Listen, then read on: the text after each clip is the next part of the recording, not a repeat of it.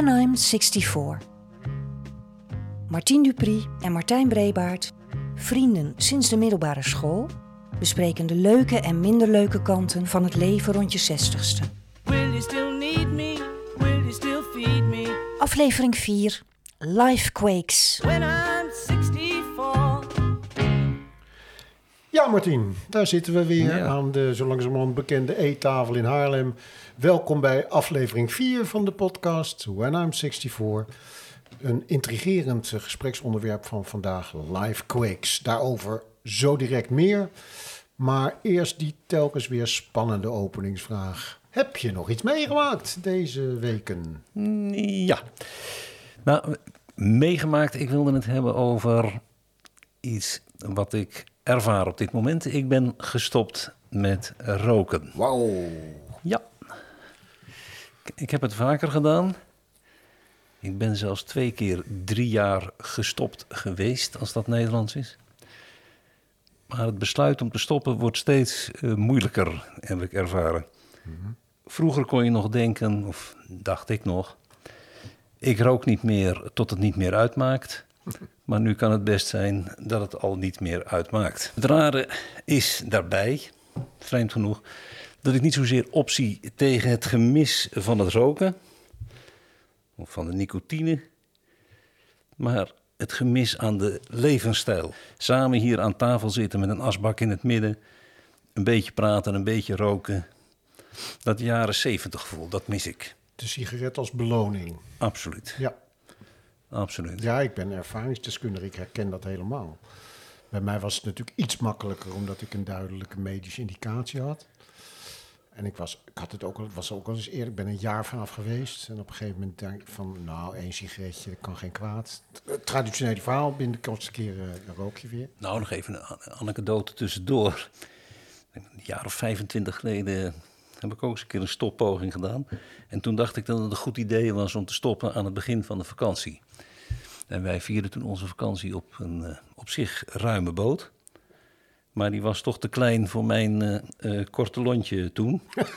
en, en Marianne en ik hebben toen tegen elkaar gezegd... of wij kwamen eigenlijk tot de conclusie... we dachten dat we een goed huwelijk hadden... maar het was de Pieter Stuyvesant. Dus Mea en ik waren notabene als cadeautje van Sarah Kroos een weekend in Venetië. En dat, we hadden bedacht dat we dat weekend moesten gebruiken om te stoppen met roken.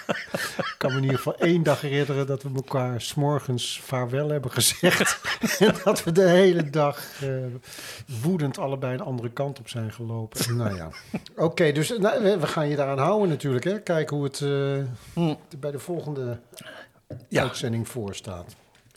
Succes ermee, sterkte. Dankjewel. Zeg maar, heb jij nog iets meegemaakt? Ja. Ja, kijk. Heb je iets leuks gedaan? Ja, ik heb op. eh, heb je al op eh, Instagram gekeken? Nee, hè? Denk ik niet. Nee, ik ben niet van de Instagram, hè? Oh, je bent niet van de Instagram. Ja, Nee, maar nee, nee. We hebben een eigen Instagram-pagina. Hè? Nou ja, goed, daar, sta- daar heb ik vanmiddag twee foto's op gezet. En dat geeft aan waar ik het graag met jou over wil hebben. Want onze eh, gemeenschappelijke vriendin Wendela, daar kreeg ik plotseling een, eh, een appje van. Die woont in Zaandam. En die appte een berichtje: Gymzaal vol met spoorbanen en treintjes in Zaandam. Nou moet je weten, jij weet dat natuurlijk, maar treinen zijn altijd mijn grote passie geweest. Ik ben erfelijk ben last. Mijn vader had dat ook. En ik weet dat mijn oudste zoon David, hilarisch verhaal, tijdens een honkbalwedstrijd door de coach tot de orde werd geroepen: David, niet naar de treinen kijken! Terwijl hij in het veld stond, kwam er een trein voorbij. hij had geen aandacht meer voor het spel, maar let alleen maar op de trein. Venla en ik zijn samen naar de gymzaal geweest. Een prachtige mini-wereld, waarvan dus twee foto's op Instagram staan. Ik heb een paar foto's gemaakt als kleine jongen en zelfs als student, volgens mij kan jij dat ook nog wel herinneren, heb ik altijd een miniatuurtrein gehad. En zelfs hier heeft een tijd lang een trein door de kamer Ja, gereden, langs de- langs langs de het land, muren. ja. Die heb ik nu weggehaald. Maar wat me ook opviel was dat, ik denk dat het ook met corona te maken heeft. Ik had eigenlijk het idee dat dat hele Merkelin en Fleischmann verhaal, dat dat, ja, dat dat helemaal niet meer bestond. En nu André van Duin met de, eh, hoe heet het, Ja. de grote kleine treinen show. Ja. Eh, allemaal dingen die erop duiden dat die treinen-hobby weer een beetje terug aan het komen is. Wat ik, wat ik alleen maar heel erg leuk vind. Dus, nou ja, dat is mijn, eh, bijdragen aan deze rubriek.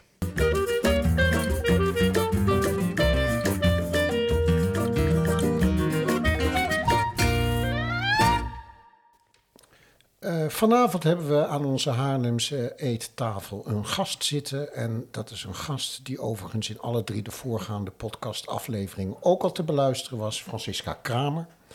Francisca, jij bent oorspronkelijk schrijfster en journaliste. Je schreef onder andere voor Volkskrant Magazine en voor Opzij.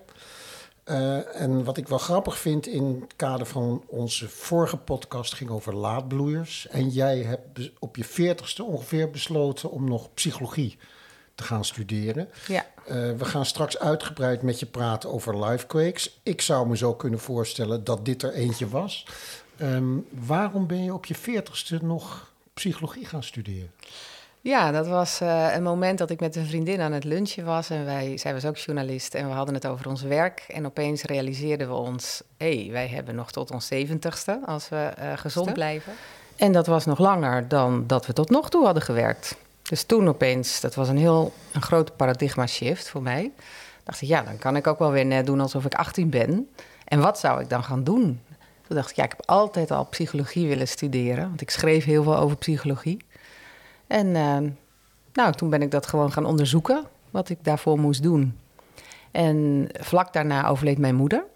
En dat was voor mij een moment dat ik dacht, of in al mijn vezels voelde, ik moet het anders doen. Dus alles wat ik nog wil waarmaken, moet ik nu gaan doen. Een livequake. Echt een livequake, ja.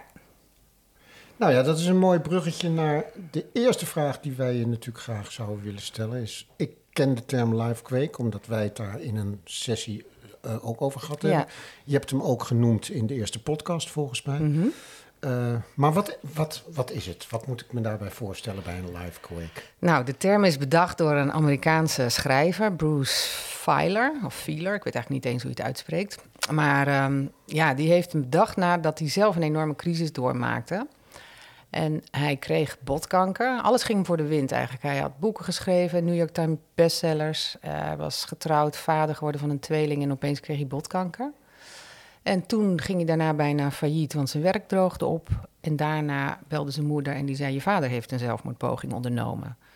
Toen dacht hij: hm, Ik heb vast een ongelooflijke hoeveelheid pech. Maar toen had hij daarna een reunie van school. En toen hoorde hij van heel veel klasgenoten dat ze hele heftige gebeurtenissen hadden meegemaakt. Mhm. Eens kindje was overleden, de ander uh, was fa failliet gegaan. Nou, van alles. En toen dacht hij: Hé, hey, er zijn dus heel veel mensen met dit soort gebeurtenissen die je leven echt op zijn kop zetten. En toen bedacht hij de term lifequake. Dus een aardbeving, maar dan een levensbeving. En dat is een gebeurtenis in je leven die je zo overhoop haalt... dat, die daarna, dat je er minimaal een jaar zoet mee bent... maar vaak nog veel langer. Gemiddeld wel tussen de vier en vijf jaar met uitlopers tot tien jaar. Dus zo'n gebeurtenis, en dat kan ook een reeks van gebeurtenissen zijn... Um, ja, die doen iets op het vlak van identiteit... En die zetten een transitie in gang. Dus na die gebeurtenis, of die gebeurtenis is dan aanleiding voor een verandering in je leven. Je moet echt je levensverhaal gaan herzien. En zijn dat altijd negatieve gebeurtenissen? Zeker niet. Dat kunnen ook positieve gebeurtenissen zijn die vrijwillig gekozen zijn. Bijvoorbeeld de geboorte van een kind. Hè, als je bewust gekozen hebt om aan kinderen te beginnen. Dat kan toch een enorme lifequake zijn. Want je leven wordt nooit meer hetzelfde. Mhm. En zo of zijn er als heel je veel juist niet gekozen had voor een kind en er komt toch een kind. Dan is het helemaal een lifequake. ja. Ja. En in hoeverre um, is dat leeftijdsbepaald? Ik bedoel, kun je... Heb, hebben we het bij pubers ook over livequakes? De eerste verliefdheid, is dat ook een livequake? Nou, dat zou natuurlijk best wel kunnen. Hè? Of als een puber uit huis gaat, of als je blijft zitten bijvoorbeeld. Dat kan een enorme uh, Ja. uh, effect hebben op iemands leven. Dus ja, dat kan een livequake zijn. En die Bruce uh, Feiler, die heeft dus onderzoek daarnaar gedaan. Die is door alle staten van Amerika gaan crossen. En die heeft 225 mensen geïnterviewd over de hoogtepunten en dieptepunten van hun levens. En toen heeft hij daar een jaar de tijd voor genomen om uh, al die verhalen te coderen en patronen te ontdekken daarin. En toen kwam hij dus tot de conclusie dat wij allemaal tussen de, nou, iedere 18 maanden, ongeveer Ja. anderhalf jaar, komen we wel zo'n gebeurtenis uh, tegen die ons leven op zijn kop zet. En dan ongeveer 1 op de 10 daarvan zorgt voor een livequake. Dat betekent dat een van die gebeurtenissen die ons ontregelt... Hè, want Een, een transitie in gang zet. een transitie in gang zet. Ja, ja. Oh, die verbinding. Dus je hebt zeg maar, een live event. Ja, Wordt een live quake.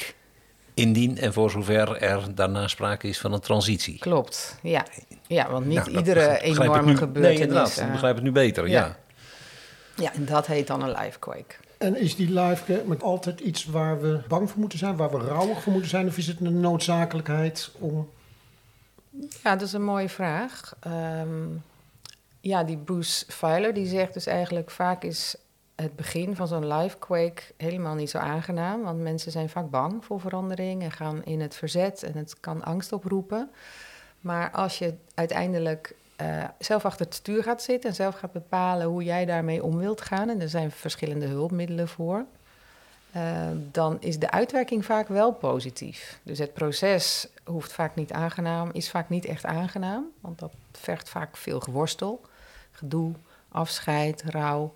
Mhm. En hij beschrijft het ook in drie fases. Hè? Het afscheid, een hele rommelige middenfase en een nieuw begin. Ja. Nou, sommige mensen die ervaren juist heel veel stress bij zo'n nieuw begin. En andere mensen die ervaren de meeste stress bij het echte afscheid van een fase. Maar meestal is het eindresultaat wel positief. Dat mensen wel achterom kijken en denken... oh ja, ik ben wel ten goede veranderd. Ja, ja, ja, Het heeft wel iets opgeleverd. Ja, je komt er sterker uit uiteindelijk. Ja, dat vind ik soms ook een beetje een platitude. Want niet Mhm. iedere crisis maakt mensen per se sterker, denk ik. Maar eh, ja, wat hij heeft beschreven in zijn boek klinkt wel positief. Dus ik moet ook wel een beetje aan jou denken. Ja. Hoe jij eh, natuurlijk je live quake hebt gehad op verschillende fronten. Kinderen uit huis, pensioen dat eraan zit te komen, stoppen met roken. Dat wordt Mhm. ook letterlijk beschreven in zijn boek. Dat Ja, dat ja. ook hele grote veranderingen teweeg Ja, kan brengen. Ja, ja. Ja. In eh, mijn nabije omgeving eh, ken ik iemand die zeg maar twee, drie jaar na zijn pensioen onderuit is gegaan, om Ja. het maar eens zo uit te drukken. In eerste instantie denk je dan dat kan nooit aan die pensionering eh, liggen, Mhm. want het ging toch goed met hem. Maar uiteindelijk is dat wel zo, blijkt dat toch zo te zijn. ja. Dus je hebt een soort uitgestelde reactie op een event die je bij nader inzien toch omverblaast. Ja, dat kan natuurlijk heel goed. Want meestal reageer je niet à la minuut hè, op iets. Het is vaak een proces met verschillende factoren. Waarbij misschien zo'n pensioen wel de aanzet is geweest. Mhm. Maar wellicht is er daarna nog iets gebeurd. Of zijn er nog een paar kleinere gebeurtenissen geweest. En pensioen brengt toch bij heel veel mensen ehm, iets teweeg van... ja, hoor ik er nog bij? Wie ben ik nog? Wat doe ik er nog toe? Wat is mijn functie nog? En dan moet je natuurlijk wel op zoek gaan naar hoe ga je dat dan invullen. En niet iedereen heeft daar per se de veerkracht voor of de mogelijkheden op dat moment voor. Als je het dan over transitie hebt, is pensioen wel de meest duidelijke live-quake die we allemaal meemaken, Ja, denk ik, of niet? Ja, ja, ja.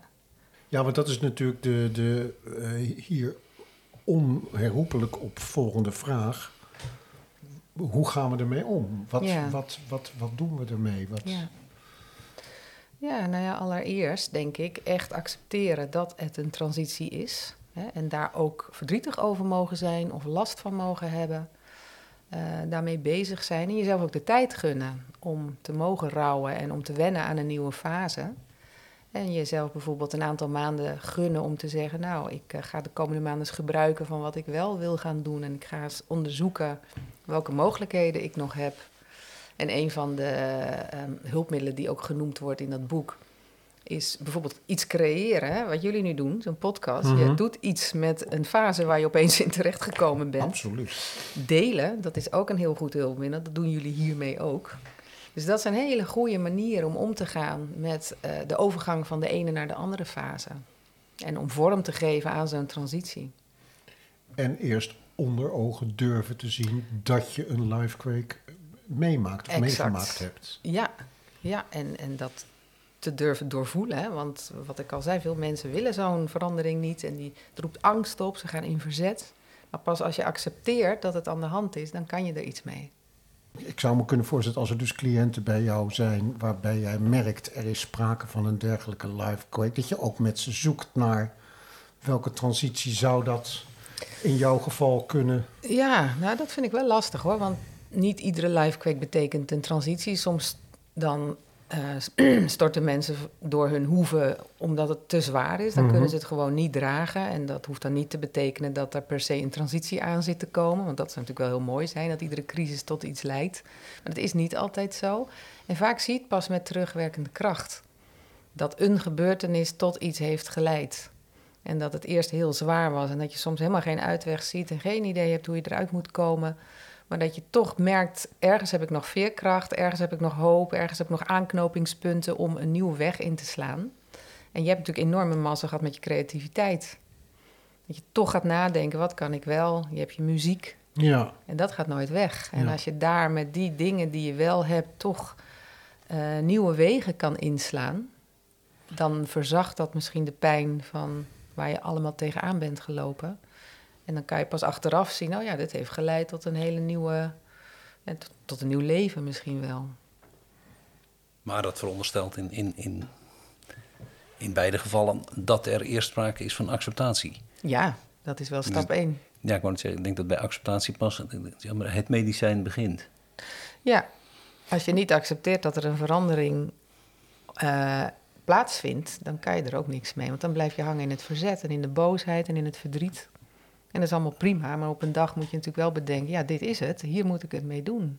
Hoe verdrietig het ook is, hoe moeilijk ik het ook vind. maar mensen die niet in staat zijn om die positieve switch te maken. Hè? Ik kan me Mhm. ook voorstellen dat, je, dat er iets vreselijks gebeurt en dat dat vanaf dat moment, ja, dat, dat het leven al- alleen maar somberder wordt. Ja. Eh, is ook een vorm van transitie. Ik bedoel, is een transitie per definitie iets wat weer wat positief is en wat weer nieuwe energie geeft? Of is het gewoon, staat het voor verandering en kan het dus ook de andere kant op? Nou, zo'n lifequake leidt meestal wel tot iets positiefs, ondanks dat er veel pijn mee gemoeid kan zijn. Maar er zijn natuurlijk mensen die niet in staat zijn, om wat voor reden dan ook, daar een positieve draai aan te geven. Soms hebben ze gewoon niet genoeg draagkracht. Soms zijn de omstandigheden zo moeilijk dat het ze niet lukt. Soms zijn ze belast met eh, een een erfelijkheid voor depressie. Ik moet denken aan een vriendin van mij die haar Mhm. dochter verloren is. Ja. Ja, dat is natuurlijk iets, Ja, dat is dat is zoiets gigantisch. Ja. En die vrouw is daarna natuurlijk voorgoed eh veranderd. Ja. Ja. ja, en daar kan je dan op verschillende manieren mee omgaan. En dat hangt ook heel erg van de persoon af. Want ik ken ook een vrouw die de dochter verloren is. En dat heeft haar geïnspireerd om de liefde die zij van haar dochtertje kreeg. Want Ja. het kindje heeft niet zo heel lang geleefd en die was zwaar gehandicapt. Om die door te geven. En zij werkt nu in een hospice.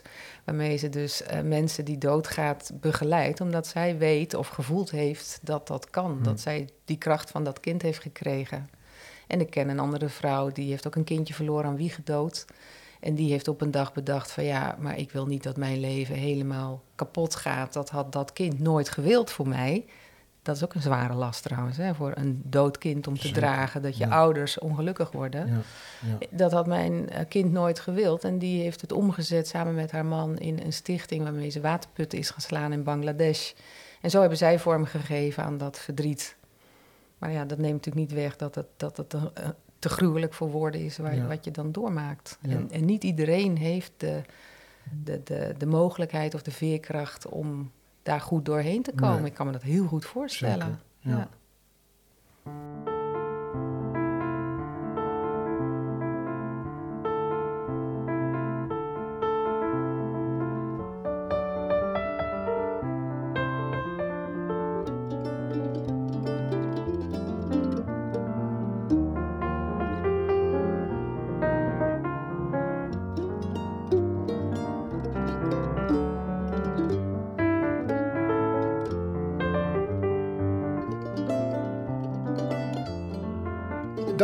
Onze tafelgast Francisca Kramer voor dit boeiende gesprek. We horen Francisca volgende aflevering terug met de boekentips.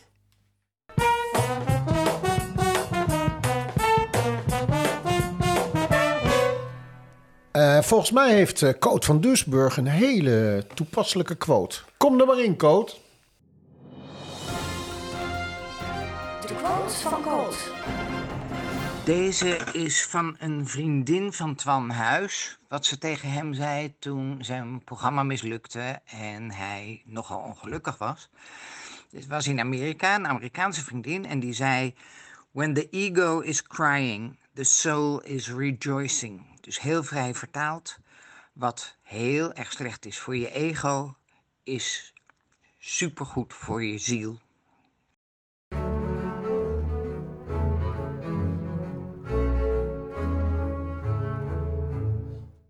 Ik dacht dat jij eh, van tevoren met Code niet deelde eh, wat het onderwerp van... Nee. eh, Nee, is ook niet zo. Van de Is, aflevering nee, was- is, nee? voor- is voorkomen toevallig. wat leuk. Ja, hè? Wat leuk. Prachtige, prachtige quote. Ja, Dankjewel, sluit mooi Code. aan. Oké, dankjewel, Coot. Tot volgende keer.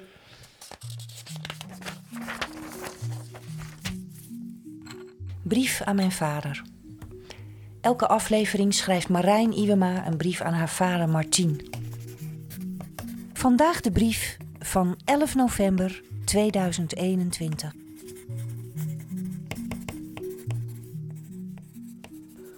Hoi pap. Nou, eerlijk gezegd heb ik weinig met de term lifequakes. Niet omdat ik niet geloof dat er in je leven geen heftige dingen kunnen gebeuren, maar meer omdat ik het veel interessanter vind om te zien hoe verschillend mensen op die gebeurtenissen reageren. Ik ben meer geïnteresseerd in waar die verschillen hem nou in zitten. En ik denk dat het mentale vermogen daar heel belangrijk in is. Mentaal vermogen zijn eigenlijk al je emotionele, cognitieve en ook je sociale vaardigheden. Ik heb van dichtbij gezien hoe verkrachtig jouw mentale vermogen is, pap. Er was een periode in je leven waarbij jij heel snel achter elkaar meerdere verlieservaringen hebt geleden. En ik heb toen je worsteling gezien en ook wel gevoeld. En nog altijd kijk ik met heel veel bewondering naar hoe jij hierbij emotionele vaardigheden hebt aangeboord, waardoor je weer bent opgestaan en de energie en zingeving hebt gevonden om ook weer door te gaan. En nou zou je zeggen dat wanneer je ouder wordt, je mentale vermogen ook achteruit gaat. Maar volgens onderzoek van bijvoorbeeld het Trimbos Instituut hoeft dat dus niet zo te zijn. Zij zagen zelfs dat oudere mensen bij heftige veranderingen in hun leven geen of slechts minimale achteruitgang in denken en leren ervaren. En dat hangt voor een groot deel af van de fitheid van je mentale vermogen. En dat kun je vooral bevorderen door het te gebruiken. Use it or lose it. Het is dus belangrijk om bijvoorbeeld een sociaal netwerk te onderhouden, want dan kun je beter omgaan met bijvoorbeeld het verlies van een dierbare. Maar ook emotionele vaardigheden kun je trainen. Denk aan ontspannings- en aandachtsoefeningen, maar ook door in gesprek te blijven met anderen over bijvoorbeeld je emoties.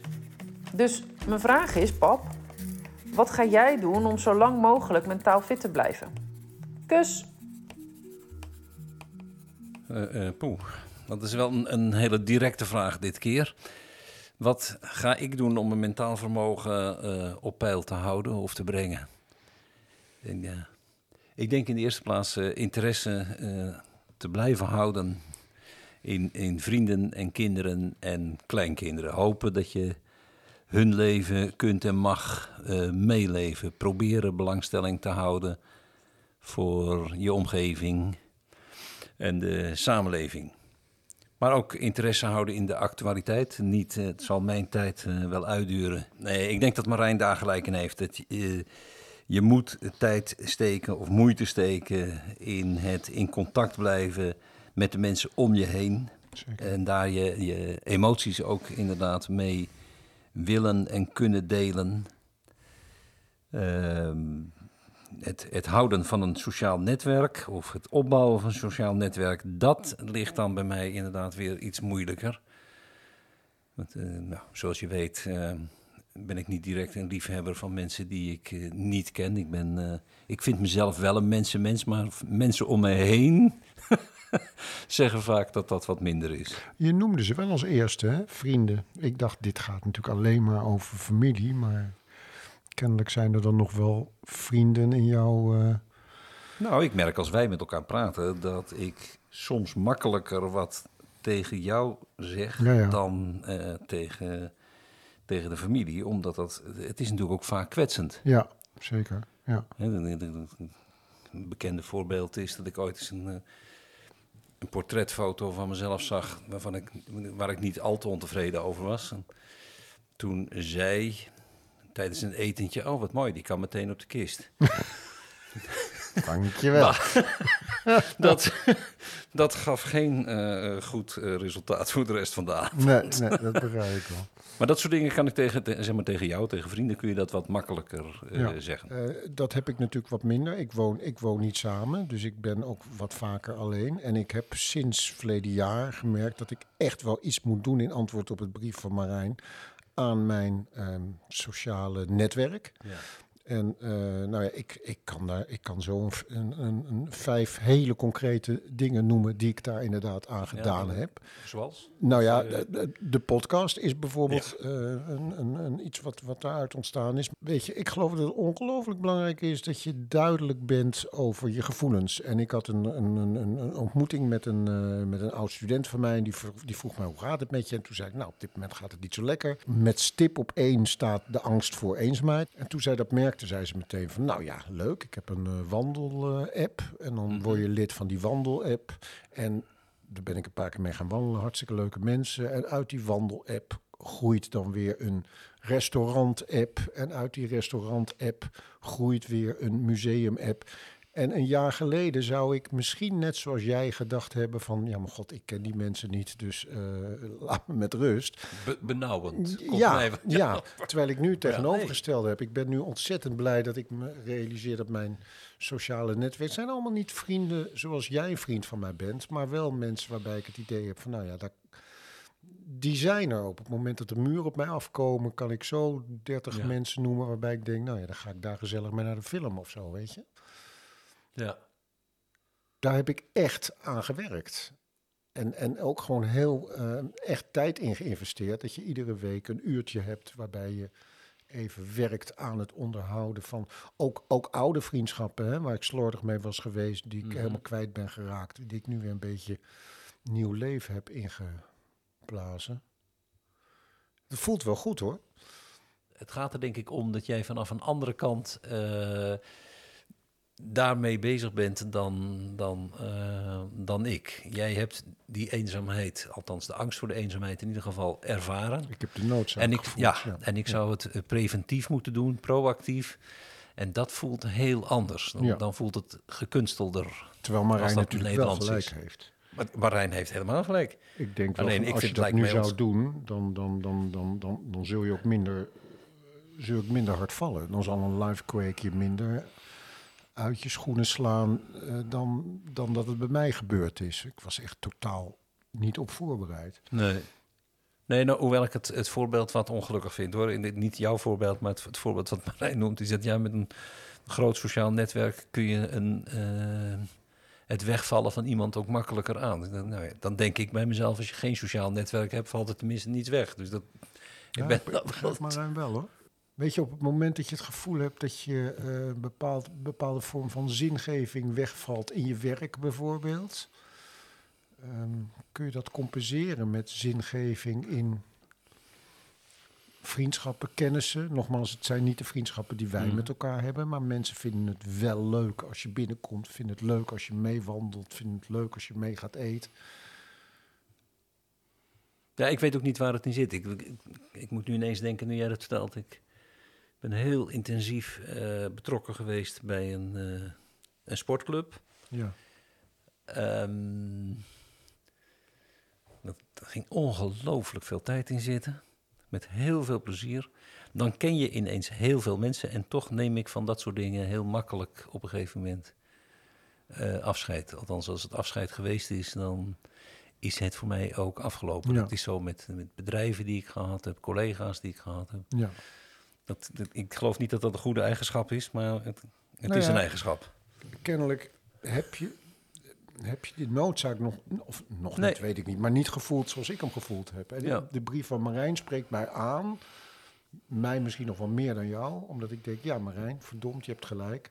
En dit zijn de vijf, zes dingen die ik eraan gedaan heb. En dat kan. Daar ben ik echt van overtuigd, dat je op je 64ste nog heel goed in staat bent om binnen een paar maanden mensen om je heen te verzamelen.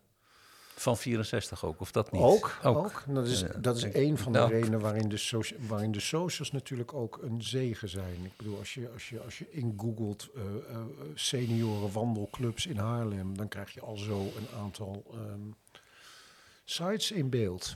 Ik vind het ook leuk om, eh, ik heb sinds, sinds enige tijd een wijncursus gedaan, vind ik ook hartstikke leuk. Kunt met een aantal mensen, ja nu in coronatijd even niet, maar ik zou me zo kunnen voorstellen dat je een tiental mensen hier verzamelt voor een wijnproeverij of voor een, allemaal dingen die jij, wat is voor jou een gruwel volgens mij, of niet? Ja, ja. ja. En zo, ik mag deze beker aan mij voorbij gaan. Ja, dus Precies. nou ja, zo zie je maar weer. Dat, dat, eh, Nee, maar dat heeft wel iets te maken met zonde van je tijd. Dus dan, eh, vroeger waren wij, tenminste ik in ieder geval, en jij ook, ontzettend goed in mingelen en, en eh, dus eh, zeg maar, in, in mijn omgeving eh, recepties doen en, en leuk zijn van het ene naar het andere clubje. En de laatste jaren eh, stond ik toch voornamelijk achter de fiekes te wachten tot eh, we weer eh, naar, naar, naar huis toe konden. ja, ja, we krijgen het niet bij elkaar, Martien. Want Voor mij is dit, is dat, zijn dat echt de momenten als ik met zo'n groepje aan het wandelen ben of naar de bioscoop. Ik vind echt quality time. Het is voor mij echt quality time. Dus dat is een antwoord op de brief van... Ma- Of twee hele verschillende antwoorden eigenlijk op de brief van Marijn. Maar wel een leuke om... Nou, ik denk dat Marijn gelijk heeft. Dat je, je moet ervan bewust zijn dat je iets moet doen. ja, Alleen weet ik nog niet zo goed wat ik daaraan Ja. zou kunnen gaan doen. ja. Marijn, is dit een antwoord op je brief? Ja, hè? Of je vraag? Ja, ik geloof het wel. Oké, nou. Dank je wel voor de brief en eh, Ja. tot de volgende.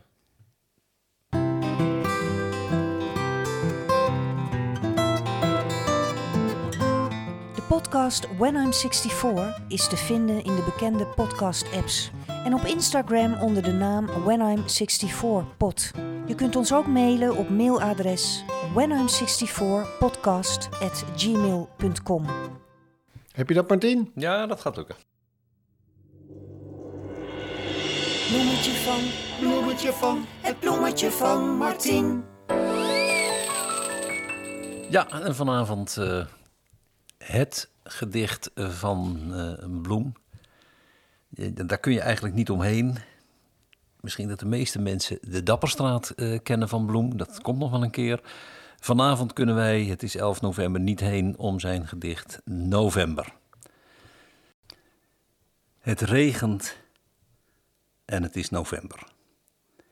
Weer keert het najaar en belaagt het hart dat droef, maar steeds gewender zijn heimelijke pijnen draagt. En in de kamer waar gelaten het dagelijks leven wordt verricht, schijnt uit troosteloze straten een ongekleurd namiddaglicht. De jaren gaan zoals zij gingen. Er is allengs geen onderscheid meer tussen dove herinneringen en wat geleefd wordt en verbijt. Verloren zijn de prille wegen om te ontkomen aan de tijd. Altijd november. Altijd regen. Altijd dit lege hart. Altijd.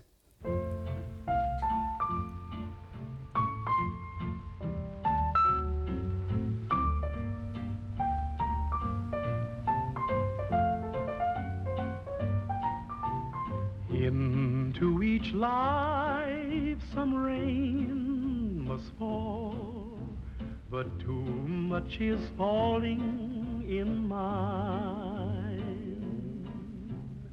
Into each heart some tears must fall, but someday the sun will shine. Some folks can lose. En het zit er weer op. Dit was aflevering 4 van de podcast When I'm 64.